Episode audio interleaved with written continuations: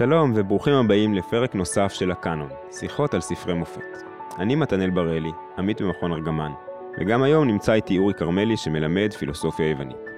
הפרק הזה הוא הרביעי והאחרון בסדרת הפרקים על הדיאלוגים של אפלטון, שבהם הוא מספר על העמדתו לדין ומותו של סוקרטס. בפרק הקודם התחלנו לדבר על הדיאלוג פיידון, שבו מתועדת השיחה האחרונה של סוקרטס עם תלמידיו לפני מותו. והיום אנחנו הולכים לשוחח על טיעון מאוד מעניין שנמצא בדיאלוג הזה, טיעון שנקרא טיעון ההיזכרות, אבל לפני שניכנס אליו אני רוצה בכל זאת להסביר קצת על ההקשר שבו הוא מופיע בתוך הדיאלוג. כמו שדיברנו בפרק הקודם, במהלך הדיאלוג סוקרטס מנסה לבצר את ההבדל החד בין הנפש לבין הגוף, ולייחס חשיבות עליונה לנפש על פני הגוף. הנפש, כמו שהיא מתוארת בדיאלוג הזה, היא איזשהו דבר שבאופן בסיסי הוא נפרד לחלוטין מן הגוף, לא תלוי בו בכלל. משהו שנכנס אמנם לגוף, מתערב בו, אבל לא זהה עם הגוף. עכשיו, השותפות הזאת בין הגוף לנפש היא מעין שותפות זמנית. וסוקרטס מנסה להוכיח שהנפש לא נעלמת אחרי שהגוף מתכלה, וגם לשכנע את התלמידים שלו שהנפש הייתה קיימת עוד לפני הגוף. את זה הוא עושה בין היתר באמצעות מה שאנחנו קוראים לו טיעון ההיזכרות. ואם אני אנסה לתמצת או לפשט את הטיעון הזה, אני אולי אנסח את זה ככה. היום אנחנו בדרך כלל תופסים את הלמידה כאיזשהו תהליך של חידוש. אנחנו לומדים משהו חדש, מבינים משהו שלא ידענו קודם לכן. נפגשים עם משהו חדש על העולם או על המציאות שלא היה בנו קודם לכן. וסוקרטס בעצם מתאר את תהליך הלמידה באופן הפוך לגמרי. לדעתו, הלמידה היא קודם כל תהליך של היזכרות במשהו שידענו כבר פעם והספקנו לשכוח מאז. ומה שהוא מנסה להראות זה בעצם שתהליך הלמידה שלנו תמיד מתבסס על איזה שהם מושגים כלליים מסוימים, שנמצאים בנפש שלנו עוד לפני שהיא באה אל הגוף, עוד לפני שהיא נפגשת עם העולם והמציאות. ובעצם כשאנחנו לומדים משהו חדש, אנחנו כאילו נזכרים על בסיס איזשהו, על בסיס איזה שהם מושגים שכבר ידענו אותם, שהם אלה שמאפשרים לנו ללמוד דברים חדשים מהעולם ומהמציאות. תכף אנחנו נסביר את זה בצורה מפורטת יותר, אבל סוקרטס רוצה להוכיח שאותם מושגים כלליים, כן? כמו למשל מושג השווה, אחד ועוד אחד שווה שתיים. את המושגים האלה אי אפשר ללמוד מן המציאות עצמה. ולכן הוא מסיק שהנפש שלנו למדה אותם, הכירה אותם, נפגשה בהם כבר עוד לפני שהיא נולדה, עוד לפני שהיא הצטרפה אל הגוף שלנו. ממילא יוצא, ככה אומר סוקרטס, שמה שאנחנו קוראים לו לימוד, אינו אלא היזכרות, זה המשפט שהוא אה, אה, מנסח את זה בו. אז אורי, אתה יכול אולי להסביר קצת יותר את הטיעון הזה, איך אתה מבין אותו? אז סוקרטס שם לב לאיזושהי אה, תופעה מעניינת מאוד, נקרא לזה במבנה הקוגניטיבי שלנו. נגיד אנחנו באים ואנחנו אה, מסתובבים לנו ילדים קטנים רכים בשנים מסתובבים לנו בעיר מדינה של אתונה ואנחנו רואים הרבה עצים ואנחנו רואים הרבה אבנים ואנחנו רואים אה, אולי אה, שיבולי חיטים מסתרים שם, ובאיזשהו שלב באמת אה, ההורה שלנו בא ואמר לנו, הנה תראה עץ, הנה תראה אבן, הנה תראה חיטה. Mm-hmm. אבל נראה שהתודעה שלנו נותנת איזושהי השלמה נוספת כאן. מעבר למה שלמדנו את השמות של אותם חפצים. בדיוק ככה. זאת אומרת, בסדר, אז ההורה באמת הצביע לכיוון מסוים ואמר, הנה עץ. ואיכשהו אנחנו מסוגלים לבצע איזשהו סוג של הכללה, mm-hmm. ולראות את מכלול העצים. וכנ"ל לגבי כל אינטראקציה שלנו עם מושא, אנחנו מסוגלים לקחת בעצם כל מושא פרטיקולרי, ולהפוך אותו לסוג של קטגוריה. להבין שעץ הוא לא רק העץ הספציפי שאותו אני רואה עכשיו, אלא הוא בעצם, כל העצים שבעולם נכנסים תחת הקטגוריה הזאת שנקראת עץ. נכון. ובעצם סוקרטס אומר, מה שמסתתר כאן מאחורי זה, mm-hmm. כשאנחנו מנסים ממש לתת איזשהו אה, תמצות וריכוז לוגי של העניין הזה, זה מושג השווה, מה שסוקרטס אומר. זאת אומרת שעץ דומה לעץ, ואבן דומה לאבן. כאילו יש איזושהי יכולת אה, אה, לדבר או, או לחשוף איזושהי איכות מסוימת שזה השוויון בין שני דברים. Mm-hmm. עכשיו את זה, מאוד לא טריוויאלי שאנחנו מסוגלים לעשות.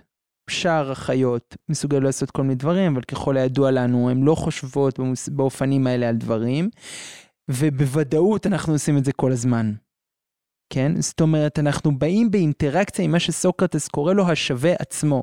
עצם ההכרה בכך שדברים יכולים להיות זהים. לדברים ומה אחרים. אנחנו לומדים מזה על האופן שבו אנחנו רוכשים ידיעות?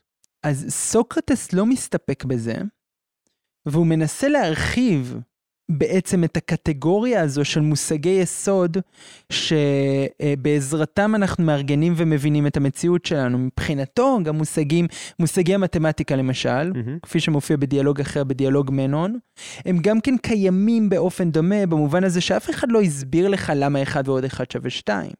יש לך איזושהי הבנה טבעית של הדבר הזה. 1 ועוד 1 ושווה 2 זה, זה אולי אה, הבנה, זה אולי אה, דוגמה קצת פשטנית, אבל נגיד שבמשולש שווה צלעות, אנחנו מבינים מה המשמעות ולמה כל הצלעות שוות. מהמם. אחד לשני. בדיאלוג שלנו, בדיאלוג פיידון, אז סוקרטס בא ומדבר בעד הראשוניות של מושגים כמו טוב, יפה וצודק. כשאתה אומר ראשוניות, למה אתה מתכוון? אני מתכוון לזה שאנחנו בשום אופן, בשום שלב, נקרא לזה, לא למדנו מהו הטוב והיפה והצודק. זאת אומרת, זה נכון. ההורים שלנו אולי אמרו, תגיד שלום אה, לדודה חנה זה יפה, להתעלם ממנה זה לא יפה, תתחלק עם האחים שלך, זה יותר הוגן שתתחלק איתם, נכון, אבל אנחנו לא מתייחסים בשום שלב למושגים כמו יפה וצודק ונכון, כאילו הם שייכים באופן בלעדי לאיזו סיטואציה אחת. מאוד טבעי לנו דווקא להפשיט אותם ולהשתמש בהם כמין מושגים חובקי קול כאלה, ואנחנו רואים טוב, יפה וצודק בהרבה מאוד הקשרים. כלומר, מה שסוקרטס קורא היפה כשלעצמו, הטוב כשלעצמו, לא כמו שהוא מופיע בסיטואציה ספציפית, אלא בתור איזשהו מושג אה, אה, אה, מופשט וכולל כזה. אפשר לומר את זה ככה, טוב, יפה וצודק הם באמת, הם לא מתפקדים כאובייקטים, זה הנקודה. הם לא שייכים לזמן ומקום מסוימים, אתה לא יכול להזיז אותם ממקום למקום, מהמם. כן? אלא ההפך, האופ... מרחב ההופעה שלהם הוא פשוט אינסופי. אנחנו משתמשים כל כך הרבה במושגים טוב, לא טוב ויפה, לא יפה, שכמעט אין שום חלקה של המציאות שנעדרת מהם. אז באמת, מאיפה הם מגיעים לפי סוקרטס? כלומר, איך אנחנו לומדים אותם אם למעשה אף פעם לא נפגשנו בהם במהלך החיים שלנו? אז סוקרטס יטען שאין מנוס מלהניח שיש איזשהו מבנה תשתיתי לתודעה שלנו. מהמם.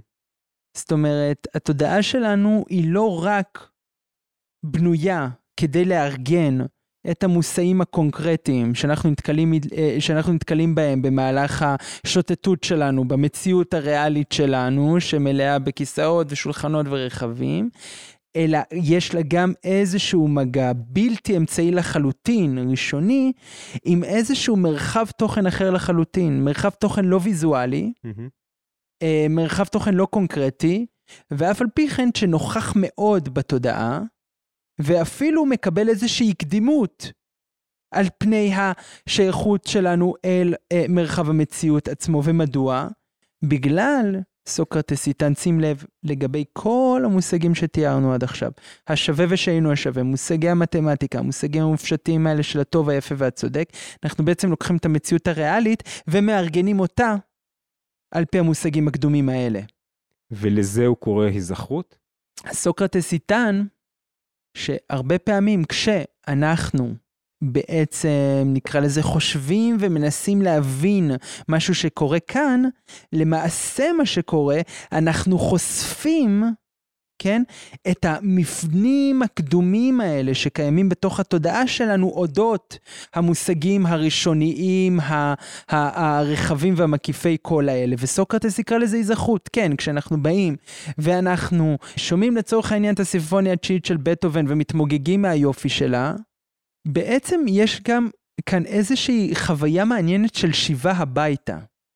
זה מאפיין של האינטראקציה עם כל המושגים האלה, כאילו וואו, זה כל כך יפה. זה כל כך נכון, זה כל כך מתאים, זה כל כך מושלם. במילים אחרות, זה מה שאמור להיות. כן? הרבה, גם המתמטיקה מתאפיינת הרבה פעמים באיכות הזו, היא כזאת סטרילית ונקייה ומושלמת שהיא כמעט הופכת את, הע, את העולם לגס ופרוע ווולגרי. כאילו והתקש... האקט של ההתיישבות על הלב, דברים מתיישבים על הלב פתאום. יפה, על הלב ועל הראש ועל הרוח, ואולי אפילו נאמר על הנשמה. אבל בעצם ה- ה- האמירה העקרונית שיש פה, של סוקרטס, על מה שאנחנו קוראים לו ידע, כן, יש פה איזו אמירה עקרונית מאוד מעניינת, והיא שכמו שאולי קצת תיארת את זה קודם, הידע הוא חורג ממידת האדם. כלומר, הדברים, התשתית של החשיבה שאיתה אנחנו עובדים, היא לא משהו שהתחיל בנו, היא לא משהו שהתחיל כשנולדנו, אלא היא איזשהו, היא נמצאת באיזשהו מרחב שקדם לנו, קדם לכל אדם ואדם בפני עצמו, ובמובן הזה אנחנו כל הזמן שווים ואולי מתרפקים על אותו מרחב, או, או מנסים להיזכר בו, מנסים להתאים אותו אל דברים שאנחנו אה, פוגשים בעולם, ואת חוויית ההיזכרות, אבל בעצם המשמעות היא שהתשתית שה, הזאת של החשיבה ושל הידע, היא בעצם קדמה לנו, היא, היא גדולה ממידתנו. נכון, וזה אה, עוד איזשהו הבדל מאוד גדול בין האופן שבו סוקרטס ואפלטון חשבו על אה, אודות הנושאים האלה והאופן שבו אנחנו חושבים עליהם. אנחנו נוטים לומר משהו כמו, כאילו לפחות אם תשאל הרבה מהאנשים הממוצעים ברחוב, אה, בלי שום קשר לנכונות של הטענה הזו, הם נוטים לחשוב שטוב ויפה וצודק זה איזשהו מושגים פנים סובייקטיביים, זאת אומרת, הם לגמרי תוצר של היותנו בני אדם שחיים בזמן מקום מסוימים. סוקרטס אומר, סוקרטס טוען שמעבר לטיעונים הפילוסופיים, לכל הפחות החוויה הזו, התיאור הזה בכלל לא הולם את החוויה שלנו. החוויה שלנו שמושגים כמו טוב ויפה ונכון ואמיתי, מושגים מוחלטים לגמרי. וכשאנחנו לא יודע מה, נניח עומדים ומשתאים מול איזושהי שקיעה, אתה לא יכול לנתק את חוויית רוממות הרוח או ההשתאות שיש לך עם הדבר. זאת אומרת, הם כל כך אחוזים זה בזה, הם כל כך נמצאים שם עמוק עמוק בתוך הדברים, שסוקרטס איתן הרבה יותר כנה, ואמרנו שוב, אני אמרתי ואני אומר שוב, פילוסופיה של סוקרטס היא פילוסופיה של כנות במידה mm-hmm. רבה. הרבה יותר נכון לבוא ו- ו- ולומר, וואו, כאילו, אנחנו נפגשים פה עם איזושהי מציאות שהיא חורגת מאיתנו. אנחנו נפגשים פה עם היצור הזה שנקרא היפה. לצורך העניין. אז כן, לשאלתך, המפגש עם הידע זה מפגש עם ההוויה בטהרתה. אין ידע. הידע האמיתי המאורגן לעילה זה המפגש עם ההוויה בווריאציה הטהורה, הנקייה האמיתית שלה, עם כל התוכן העמוק שהיא מביאה איתה של הראשוניות של המושגים האלה טוב ויפה, אה, בכל הדחיסות ובכל העומק שלהם. כלומר, אם ננסה לעשות לזה איזושהי אה, אה, קונקרטיזציה או לתת לזה איזשהו שם, כן, אז אנחנו מכירים היום מאוד רווחת הטענה של ניטשה, כן, שתיאר איך המושגים של אמת ושקר, אה, של טוב ורע, הם מושגים שיש להם היסטוריה, ניטשה טען, כן? Mm-hmm. כלומר, הם לא מושגים מוחלטים, אלא מושגים שבעצם התעצבו בתהליך היסטורי מסוים, מכל מיני נסיבות ו- וגורמים שלא ניכנס אליהם כרגע, אבל הם מושגים יחסיים שאנחנו היום נוטים לתפוס אותם כמוחלטים, אבל חקירה גנאולוגית, כמו שניטשה אומר, בעצם יכולה לעמוד על ההיסטוריות של המושגים האלה ועל זה שיש איזשהו סיפור שדרכו הם התעצבו. והאופן שבו סוקרטס מתאר פה את הידע, הוא, אם אנחנו מעמידים את זה אל מול התיאור הניטשיאני, זה מאוד מאוד בולט הניגוד ביניהם. ודאי, רק צריך לומר, הטיעון הניטשיאני הוא לא מודרני אה, אה, בהכרח בשום צורה. זאת אומרת, סוקרטס זה לחם חוקו להתמודד עם אנשים שהם אפילו במידה מסוימת יותר רליטיבי, רליטיביסטים מניטשה. ו, ו, והטענה שאין איזושהי אחיזה אמיתית אה, לטוב וליפה במציאות עצמה, היא טענה שסוקרטס אה, נתקל בפעמים רבות, אבל לטענתו של סוקרטס, כל החבר'ה הרליטיביסטים למיניהם שוכחים דבר אחד, זה שבלי שום קשר להכרעה מהו הטוב, משום הבני אדם חוזרים ומנהלים את אותו הדיון אודות הטוב, mm. כן? זאת אומרת, כל, לכולי עלמא, גם לניטשה וגם לדעת הסופיסטים, אין תרבות אנושית שמתעלמת מושגים כמו טוב, ממושגי הטוב והיפה. אתה יכול לאחר לכיוון הזה, אתה יכול לאחר לכיוון אחר, אבל כאילו ניטשה, אבל כאילו אפלטון וסוקרטס רואים את הדבר ברזולוציה הרבה הרבה יותר רחבה. הם אומרים, שים לב, אני לא מדבר איתך על, על עמדה כזו או אחרת לגבי מהו הטוב ומהו היפה. ובאמת אפלטון וסוקרטס לא מנסים להכריע בשאלה הזאת. תשים לב, תשים לב למבנה השיח עצמו. לעצם ההימצאות של המושג טוב שעליו עכשיו אפשר להתחיל להתווכח. נכון, ואנשים מנהלים עליו גם דיון באופן מסוים. זאת אומרת, מושגי הטוב השונים, זה לא שאחד בא ואומר, אני רוצה להקים מדינה צודקת ושוויונית, והשני בא ואומר, אני רוצה אה, לשבור את כל קנקני התה בבית שלי. זה, אנחנו מבינים שלמושג, שיש איזשהו גבול מסוים למושגי הטוב והיפה. עכשיו, ודאי שאנחנו גם לא, מושג, לא מצליחים להכריע ולמצות אותם, וזה מגיע, מוביל אותי לחלק השי, השני של טיעון האזרחות, ואיזושהי נימה חשובה שעולה מכל הדיאלוג בכלל, זה שהמושגים האלה לא מתמסרים לנו באופן מלא אף פעם. מעצם היותנו נתונים בתוך גוף עם מסגרת תודעה מסוימת וכפופים לכל האילוצים והיצרים השונים אה, אה, אה, אה, שהגוף מלא בהם, אנחנו בהכרח, בהכרח, אה, רואים תמיד רק תמונה חלקית מאוד. כלומר, זה שוב ההכרה של סוקרטס שדיברנו עליה בדיאלוג הראשון של האפולוגיה, ההכרה במגבלות הידיעה. כלומר, דווקא אל אור המוחלטות של המושגים האלה, של אמת ושקר, של, של טוב ורע, של התוקף המטאפיזי העצום שלהם, דווקא אל מול זה גם מתבלט הפער או חוסר היכולת שלנו לתפוס אותם בטהרתם, להגיע אליהם בצורה שלמה, להקיף אותם בצורה מלאה, לרכוש אותם ולהכניס אותם לתוך הכיס שלנו. בדיוק ככה, ובמובן הזה אנחנו רואים את הנבואה, אם תרצה, הסוקרטית מתגשמת באופן מלא.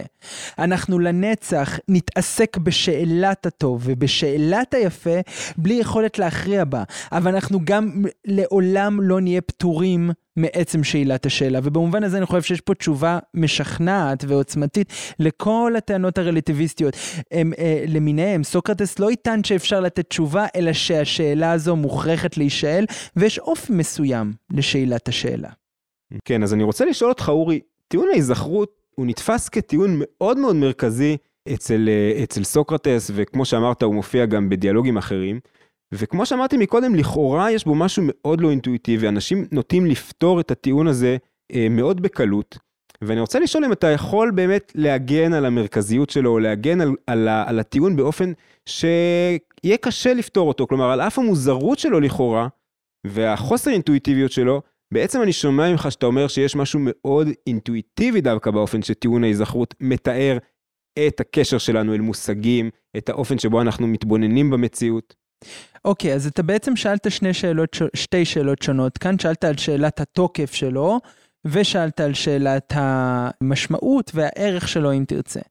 אז uh, לגבי התוקף, אני חושב שקשה מאוד להתעלם מזה שמעבר תראה, המורכבות כאן זה שסוקרטס בא ואומר כל מיני דברים לגבי טבע התודעה, וכביכול בא ורוצה לגזור מזה איזה שהם מסקנות מטאפיזיות. אי אפשר להתעלם מהעובדה שכאן הדברים אה, נאמרים כדי להצדיק את קיומו של איזשהו מעבר שחורג ממגבלות הקיום הריאלי שלנו, ואני חושב שה, שה, שהמסגור הזה, בלי שום קשר למה הוא נותן, בבירור הוא גורע מזה שאנשים יתייחסו אליו בצורה עניינית. יש משהו מאוד ענייני בתיאור הזה, והתיאור, והטיעון הזה בסך הכל בא ואומר, יש לתודעה מבנה. יש לתודעה מבנה. התודעה מגיעה אה, עם איזשהו מערכת מושגים ויכולת אה, היקשית מסוימת שאותה היא מכילה בהקשרים שונים של המציאות. והמבנה הזה הוא לא נכון, אה, הוא, או הוא לא חל רק על הקשרים לוגיים מתמטיים, אלא יש גם איזשהו מבנה, נקרא לזה קוגנטיבי רחב יותר, של אה, המושגי היסוד של הקיום שלנו, כמו טוב ויפה וצודק וכולי, שהזכרתי קודם. ואני חושב שהתוקף של הטיעון הזה נובע קודם כל מהעובדה הדי מתבקשת שברור שיש לה, אתה יודע, איזשהו מבנה. אנחנו, אנחנו משוחחים מסביב אה, למושגים מסוימים, יש מבחינתנו פרוצדורות שונות להגיע למסקנות לגבי נכון ולא נכון, אנחנו מסוגלים לשתף בחיוויים שלנו אודות דברים שאנחנו אוהבים לא, ולא אוהבים, זאת אומרת, אנחנו מממשים את המסקנות של טיעון ההיזכרות כל הזמן. נכון, אבל אתה לא יכול לחמוק מהטענה שאת כל מה שתיארת עכשיו אפשר עדיין לתאר כמשהו שנוצר בתהליך התפתחות קוגניטיבי של התפתחות אישית של ילד אל עבר היותו בוגר. כלומר, המוחלטות שסוקרטס נותן לאותה תשתית, הטרנסצנדנטיות שלה, אם אפשר לומר, כלומר, זה שהיא בכלל חורגת מה, מהקיום הממשי שלנו, זה אני חושב הנקודה שקצת, ש, שקצת קשה לנו לעיכול, שמחליקה לנו פחות טוב בגרון. שוב, חשוב להדגיש ש, ש, שסוקרטס לא רואה ולא מנסח את זה בשום שלב כמבנה סגור. וזו נקודה מאוד חשובה, אלא יותר כמעין מצע. זה לא שעכשיו מושגי הטוב כופים את עצמך בצורה כזו שאתה, אה, שמסלילים אותך לעבר תשובה אחת נכונה ואין בלתה. זה בבירור לא מה שנאמר כאן. אלא ההפך, יש לנו דווקא איזשהו מנוע כזה שתובע אותנו כל הזמן לחפש ולשכלל את מושגי הטוב, שלנו נקרא לזה ככה. כלומר, זה נעוץ בעצם בחלק של השכחה בטיעון האזרחות, בטענה ששכחנו את מה שידענו, וממילא יש את אותו פער עצום שדיברנו עליו קודם, בינינו לבין אותם מושגים. נכון, אבל רק שהשכחה הזה זה גורל מובנה. זאת אומרת, מטבע האדם, שכמו שאמרתי, אנחנו משתמשים בכלים, מחשבתיים, קונספטואליים, ואנחנו עדיין, ואנחנו לעולם לא מסוגלים להבין את כל הסקופ שלהם. אנחנו תמיד נתונים להם והם לא נתונים לנו, וזו נקודה מאוד חשובה בהגות הסוקרט, הסוקרטית, וזה אולי איזשהו דבר שאנחנו נוטים לשכוח בשל, בשלבים מאוחרים יותר של המחשבה האנושית. בסופו של דבר, כל המרחב של יכולת החשיבה שלנו תמיד מפתיע אותנו. כל פעם מחדש. אנחנו לא באמת יודעים מה אנחנו מסוגלים לעשות עם המתמטיקה. אנחנו לא יודעים מה אנחנו מסוגלים לגלות אודות המציאות. אנחנו לא מסוגלים לדעת מה, מה, מה יהיה סגנונות האומנות עוד 200 שנה, או איך נתפוס את הטוב עוד 200 שנה. Mm-hmm. ויחד עם זה, ברגע שהדברים האלה יגיע, יגיעו, הם יהיו בעלי מובן עבורנו. זאת אומרת, וזה גם כן נקודה חשובה מאוד, שנכון, הרבה פעמים מושגי טוב יכולים להיות מאוד שונים אחד עבור השני, אבל הם תמיד, אה, ואנחנו יכולים גם לא להסכים לחלוטין. אנחנו יכולים לא להסכים עם, אה, עם מושגי הטוב של אה, ליגיונר רומאי, כן. לא רק שאנחנו יכולים, מחלוקות מוסריות מלוות אותנו כל העת. נכון, כאילו מובנה איזשהו היבט של חוסר הסכמה, שנובע גם מכך שאנחנו באמת נתונים לפסיכולוגיות שונות, טמפרמנטים שונים, להקשרים אה, גיאופוליטיים שונים לחלוטין והיסטוריים שונים לחלוטין. ויחד עם זה, מה שסוקרטס ידגיש אולי, שיש איזשהו ערך לתקשורת. זאת אומרת, יש איזושהי מובנות. כשאתה בא ואתה משוחח מול תפיסת טוב אחרת. זאת אומרת, הדיון הוא בעל משמעות. אוקיי, אז כל זה לגבי התוקף. Mm-hmm. יש עוד הרבה מה לומר על זה, אני רק אגיד שגם ב, ב, ב, גם בימינו אנו, זאת אומרת, יש מחלקות של אה, פסיכולוגיה קוגנטיבית. נועם חומסקי, אבי הבלשנות בא ובאמת מתוך איזושהי מחויבות גם לרעיון הסוקרטי הזה, בא ומדבר בעד איזושהי יכולת מולדת לייצר שפה. זאת אומרת, הרעיון של לחקור את היכולות המולדות שלנו זה פורה מבחינה מחקרית ו... אה, נראה שהוא כאן כדי להישאר, גם אם אנחנו נתקרב, גם אם אנחנו נתרחק ממנו, תמיד יהיה לו איזשהו כוח שכנוע מסוים. כל זה לגבי התוקף. עכשיו ברשותך רגע נדבר לגבי המשמעות. כי המשמעויות של התיאור הזה הן עצומות. אנחנו דיברנו כבר הרבה על ההקשר האפיסטמולוגי, ההקשר ההכרתי של טיעוני אזרחות, לכן אני רק אגיד במילה שגם התיאוריה הזו שוזרת בצורה כל כך אלגנטי את נתינת הערך של החקירה מול הכרה מובנית במוגבלות האינהרנטיות שלה. Mm-hmm. זאת אומרת, אבל על זה דיברנו די ויותר. אני רוצה לדבר על הערך החברתי והדמוקרטי כאן. בעצם מה שסוקרטס אומר, וזו אמירה חשובה מאוד, שכולם תמיד חלק מהדיון. וחשוב מאוד להדגיש את זה. אז תסביר למה זה עולה מה, מה, מהטיעון ההיזכרות. בסופו של דבר, יכולת להבין תופעות לעומק, להיות מוסרי, באופן נכון ו- ומחייב באמת, הם לא תוצר של מעמד, והם לא תוצר של חינוך, ואין לשום תרבות בלעדיות עליה, אלא זה משהו שמובנה בטבע האנושי. כלומר, יש פה משהו מאוד שוויוני בגישה לידע, נקרא לזה ככה. כלומר, כשאנחנו חושבים על, אפילו על הפילוסופיה בתור, במתח שבין אליטה להמון, כן, אז יש פה אמירה מאוד uh, דמוקרטית, כמו שקראת לזה, אולי אפילו שוויונית, והיא שכל אדם נולד בעצם, כשבתשתית שלו נמצאת כבר הגישה לאותם מושגים של טוב ורע, של אמת ושקר, ו, אה, ו, ואולי הוא צריך לחשוף את זה, אולי הוא צריך להיזכר בהם, אבל בעצם הגישה לאמת היא לא נחל, נחלתם הבלעדית של איזושהי אליטה מסוימת, בין אם היא אליטה מעמדית, אינטלקטואלית וכולי. נכון, אז מעבר לזה שמצד היכולות יש איזושהי זהות מוחלטת, נקרא לזה ככה, אה, אה, בין כל בעלי התודעה האנושית ואולי גם הלא אנושית.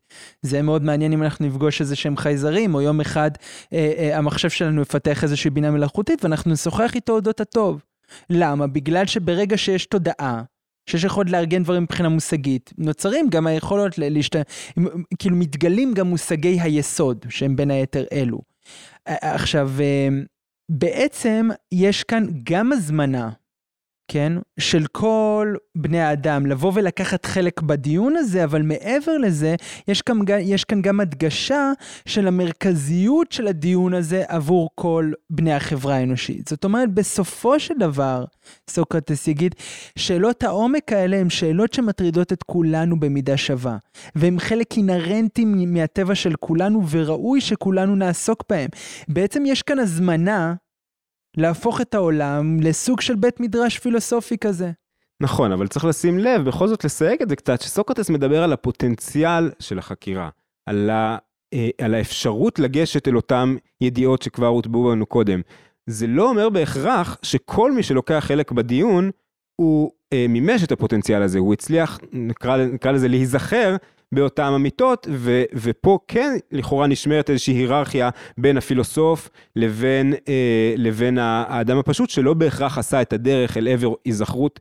כמה, ש, כמה שקשה או בלתי אפשרי אפילו להגיע להיזכרות המלאה, אבל עדיין יכול, יכולים להיות הבדלי היררכיות מאוד מאוד אה, משמעותיים בין בן אדם שעשה איזושהי דרך לבין בן אדם שנמצא עוד בתחילת הדרך. בוודאי, וסוקרטס כבר בדיאלוג הזה אפילו, הוא בא ומדבר על הסכנה נקרא לזה, שבהיכנעות לכל מיני אינטרסים אחרים, ליצרים הגופניים שלך. זאת אומרת, יש בסופו של דבר את כל הסיבות שבעולם למה לא להתעסק בפילוסופיה, וכמו רואות, זה לא מה שאנחנו עושים מהבוקר עד הלילה, וגם סוקרטס לא נרצה שנעשה את זה מהבוקר עד הלילה, זה גם כן דבר שצריך להמר. זאת אומרת, הוא רוצה עולם פעיל וחי ותוסס. יש הרבה דברים שיכולים להכשיל אותנו בדרך, אבל עבור סוקרטס אלה תמיד יהיו הכשלות חיצוניות במודעת מה. זאת אומרת, אנחנו יכולים להיכנע לכל מיני צדדים באישיות, ויש גם כל מיני דברים שמושכים אותנו לכל מיני כיוונים שונים ומשונים, והפיתויים קיימים. אבל יש משהו בבירור הזה, שאיכשהו בא במגע עם הטבע העמוק ביותר שלנו. על פי סוקרטס. זה כאילו הרגעים החשופים ביותר שלנו, השאלות הכנות ביותר שלנו, ואולי גם הדברים, המרחב שמאפשר את הטרנספורמציה. הרדיקלית ביותר. כאילו דווקא שאלת השאלות הזו, דווקא הביעה במגע עם הדבר הזה. כל כך קל להיות מוסך, אה, וזה נכון מצד אחד, מצד שני, יש איזושהי תחושה חזקה גם, שכשאתה נוגע באמת, כשאתה נוגע בראשוניות הזה, אתה מודע לכך שאתה נוגע באמת ובראשוניות. נכון, ופה, ופה אני חושב שזה באמת חוזר גם לדמות של סוקרטס, שמתאר את עצמו כמיילדת, כן? כלומר, זה שהולך ברחוב ודורש מהאנשים, תובע מהם להיזכר. כלומר, הניסיון שלו לפגוש אנשים ולגעת באותה נקודה, לאתר, לעזור אולי לבן אדם, לאתר בתוכו את אותה נקודה, זה מה שהוא תופס בתור, אפילו הייתי אומר, הייעוד שלו, כן? הייעוד שלו בחיים זה להיות אותה מיילדת, לעזור לאנשים להגיע אל אותן אה, אה, נקודות שטמונות בהם באיזשהו אופן, אפילו בממד שקודם קדם להופעה שלהם בעולם. וזה נהדר, כי לדעתי זה מבטא בצורה מאוד בהירה את הצניעות, בסופו של דבר שיש בפרויקט הסוקרטי. הוא לא רוצה להיות האדמו"ר שלהם, הוא לא רוצה להיות הגורו שלהם, הוא גם לא רוצה להיות הפרופסור שלהם באוניברסיטה, שזה חשוב לומר. הוא רוצה רק קצת לארגן מחדש, אה, או, או נקרא לזה לעורר. את היכולת שלהם לשאול שאלות ולקוות שמתוך זה הם יעמדו על הרגליים, ה, ה, על הרגליים שלהם בעצמם. זאת אומרת, החינוך הסוקרטי הוא חינוך לעצמאות מתוך האמון ביכולת האנושית. כן, וזה בדיוק המתח הזה שדיברנו עליו כבר בין האופן שהפעולה של סוקרטס היא פעולה מעוררת, חתרנית, אולי אפילו מציקה, כן, לבין האופן שבו היא פעולה של הבאת איזושהי גאולה לאדם ואולי אפילו לעולם. נכון, כאילו, זה לא תהליך פשוט. זאת אומרת, דווקא כשאנחנו מדברים על הדברים האלה, אנחנו מתוודים, כמו שאמרנו כבר פעמים רבות כאן, למגבלות של הידע שלנו, לחוסר היכולת שלנו למצות דיון. זאת אומרת, קודם כל יש כאן שיעור בענווה. אבל אחרי שיש כאן שיעור בענווה, יש גם איזושהי יכולת להוציא את האדם לאיזושהי דרך עצמאית. טוב, אז נראה לי שאולי אה, אין מקום טבעי יותר לסיים איתו את סדרת הפרקים על אה, מותו של סוקרטס מאשר הנקודה הזאת של צניעות הכרתית, אותה ענווה שסוקרטס התאמץ כל כך ללמד אותנו לאחוז בה. ואני רוצה ממש להודות לך, אורי, על השיחות האלו, אפרופו ענווה. למדתי ממך המון גם בשיחות האלו וגם בשיחה המתמשכת שלנו בשנים האחרונות. תודה רבה. אז תודה לך אורי, תודה לכם המאזינים שהייתם איתנו עד עכשיו, תודה לאלקנה על עריכה מקצועית של ההסכת. ההסכת זמין בכל אפליקציות ההסכתי המובילות.